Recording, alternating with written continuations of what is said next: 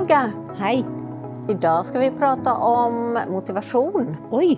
Ja, nå er det nemlig den andre podden. Ja, Og sist gang, da snakket vi jo om eh, fysisk aktivitet og trening, og at noen av våre brukere kan ha problemer med å få til å være fysisk aktive og, og trene. Ja, men var det For vi snakket jo om dette her, hva kan være til hinder? Men vi, vi har jo et stort tema som vi ikke snakket så mye om, og det var jo nettopp det med å være motivert, eller å finne sin egen motivasjon. Ja, Ja. Og det er jo veldig viktig, og ikke alltid så lett.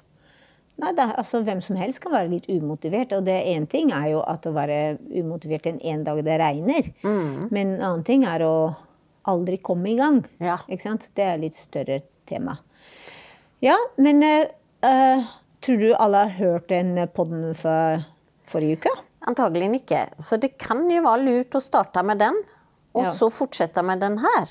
For vi introduserte litt sånn de temaene det med at det kan være litt skummelt å begynne å trene, eller at man har en slags eh, sperre fordi at man er engstelig. Eller at man har smerter, eller har fatigue eller slitenhet. Uttalt slitenhet, da. Ja. Men vi skal jo komme inn på de temaene i senere episoder litt mer inngående. Men nå er det motivasjon. Nå er det motivasjon, og da har vi jo invitert Elisabeth Fagereng som er vår psykolog her på TRS. Stemmer det. Og det er så morsomt, for hun er jo en ung, fremadstormende psykolog. Og har, eh, er artig å snakke med. Ja. Så det er veldig fint eh, at du er her i dag, Elisabeth. Ja. Välkommen til podden Elisabeth. Tusen takk. Hyggelig å bli invitert. Veldig fint å ha deg her. Og I dag skal vi jo prate om motivasjon, Men aller først kanskje du har lyst til å fortelle litt om deg selv. Jo, mitt navn er da Elisabeth Fagereng, og jeg er psykolog på TRS. Så jobber jeg i Team 1 sammen med deg, Kjerstin. Ja, det som er da du. Teamet for eh, bindevevsdiagnoser, dysmeli og ryggmargsbrakk. Ja. Så jeg har jobbet her i litt over ett år. Det er ikke verst, altså. Nei, jeg kom ganske ferskt etter studiet. Så, så det er veldig spennende å ha TRS som sin første jobb. Ja. Og midt i koronatiden begynte du og alt. Det er eh, intressant. Ja,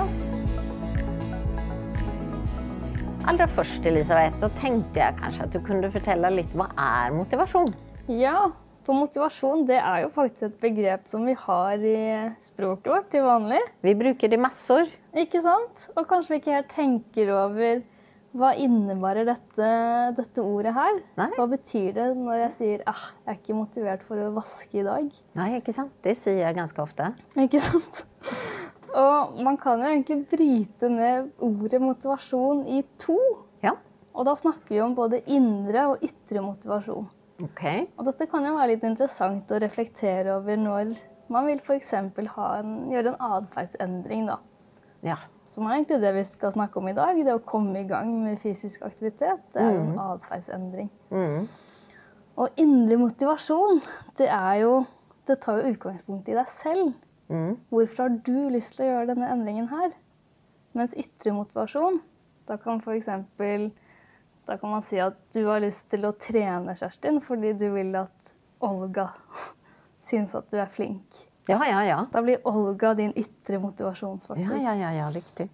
Og det viktigste er jo å ha en indre motivasjon, for det er jo drivkraften inni deg selv.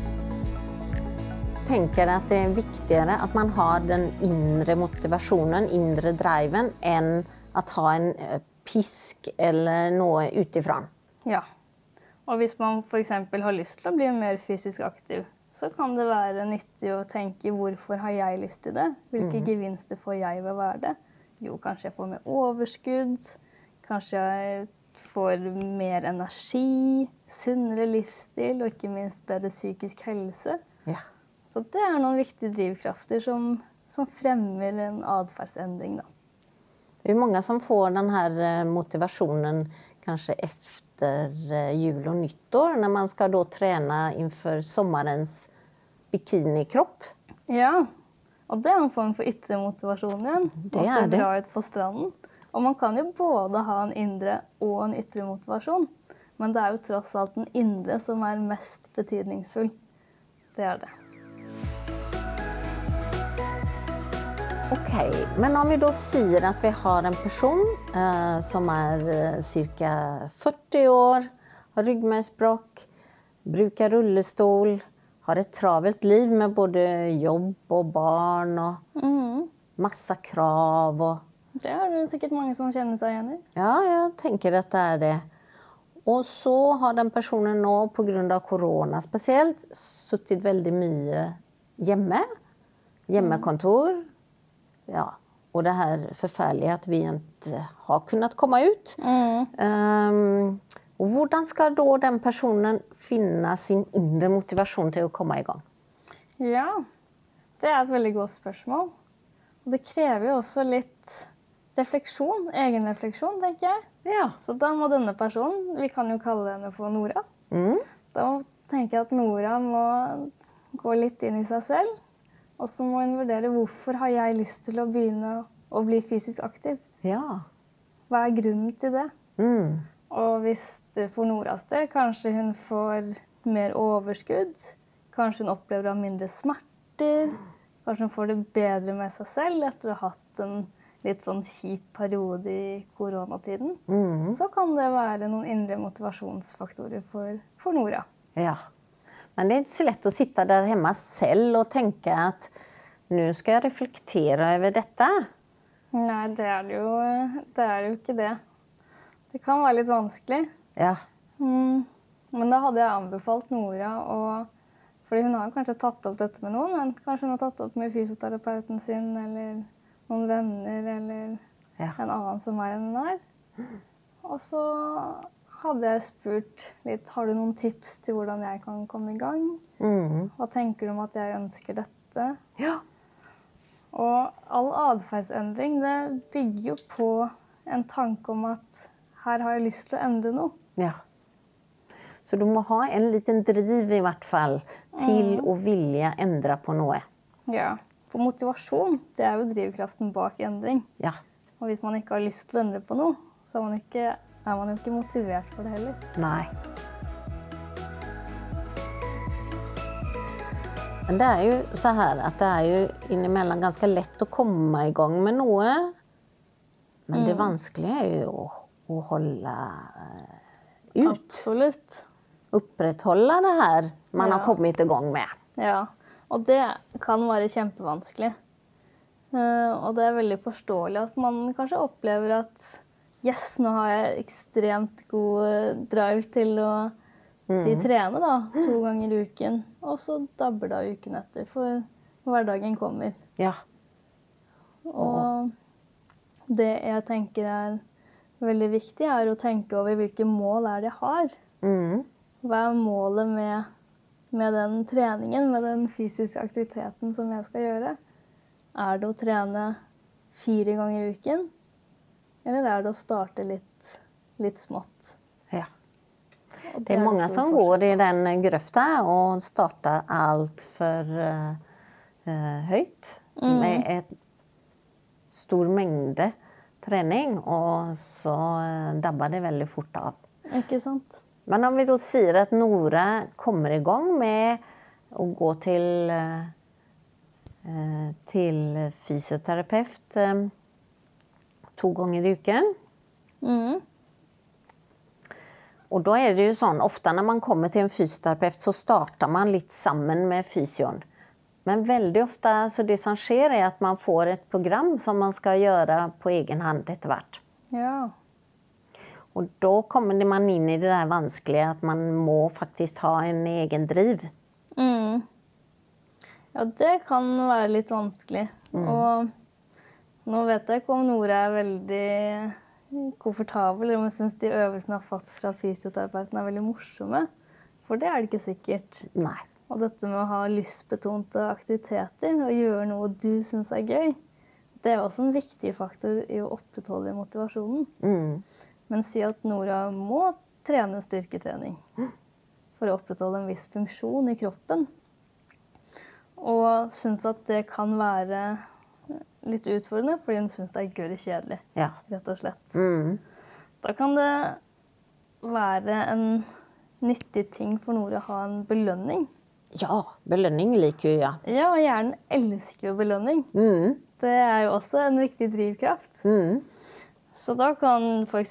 Nora sette seg et mål, da, hvis, hvis jeg klarer å opprettholde dette regimet jeg har fått fra fysioterapeuten, så kan jeg unne meg en fin middag på en restaurant. Ja. Det er veldig god belønning. Det kan jo også være sånn at det er veldig konkret knyttet til funksjon. Eksempel at man skal eh, trene så at man kan gå noen trappetrinn. Mm.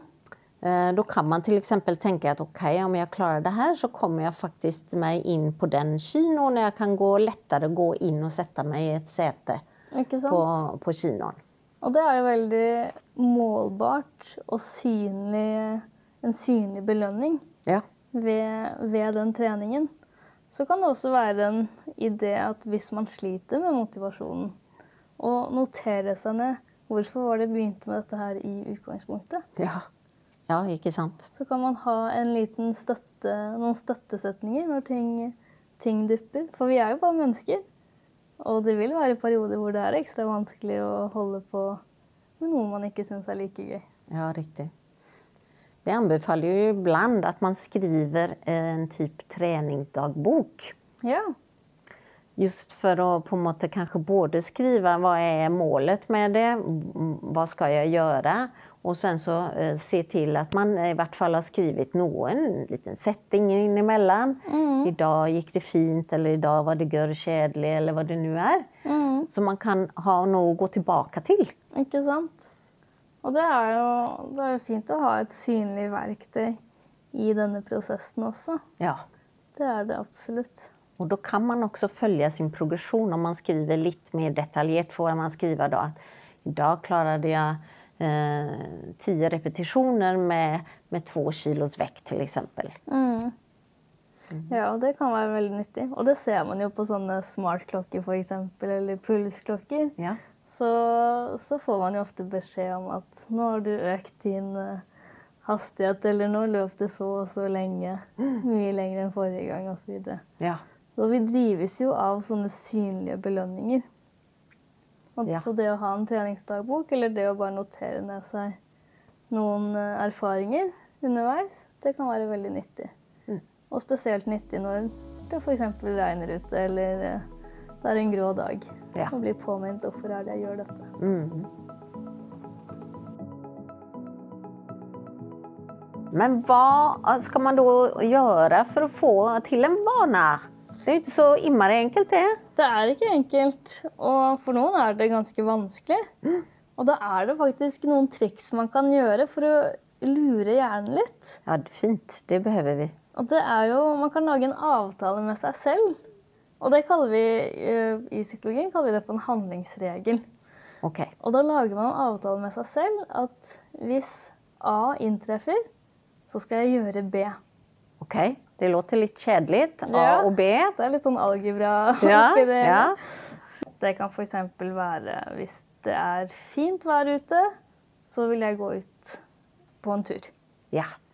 Og Det høres jo ut som en veldig enkel eh, regel eller avtale, egentlig. For er det fint vær, så er det jo ganske lett å gå ut, syns jeg. sant? Mm. Det, men det er det som er så fantastisk med denne regelen, her, at den er veldig enkel. Mm. Og i og med at den er så enkel, så er den også ganske lett tilgjengelig for alle til å ta i bruk. Okay. Og man kan jo tenke Man må jo selvfølgelig tenke selv hva er det, som, hva er det jeg har lyst til å gjøre, og i hvilken situasjon har jeg lyst til å gjøre det. Ja.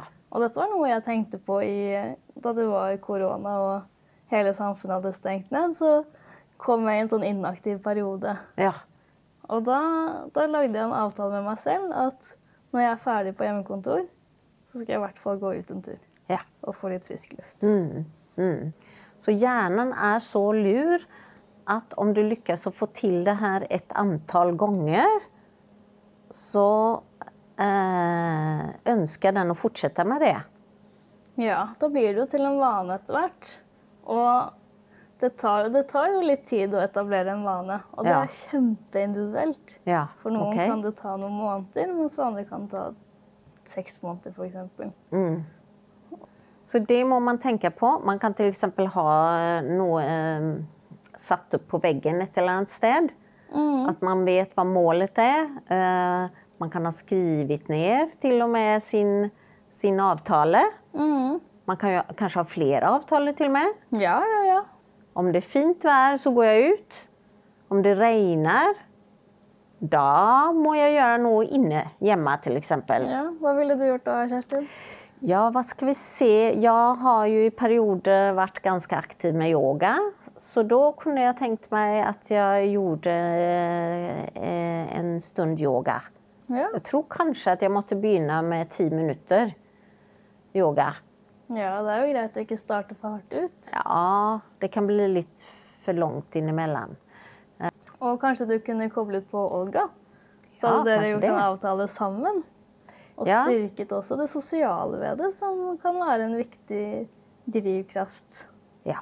Det å, å ha en avtale med noen, enten sånn at man gjør noe sammen, eller at man kanskje til og med eh, avtaler med noen som man er venn med på Facebook, eller noe sånt. At nå, eh, even om du bor 20 mil bort, så, så kan vi begge to ta oss en liten tur på hver sitt hold.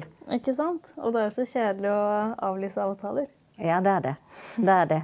Og så kan man jo til og med kanskje prate litt med hverandre mens man går. Ja. Og det skal man ikke undervurdere. Nei, sosiale, det sosiale perspektivet i dette.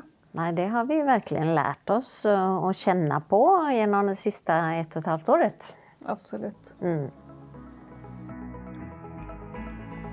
Det var veldig hyggelig å ha det her på podden i dag, Elisabeth. Jo, takk. Det var veldig hyggelig å få komme.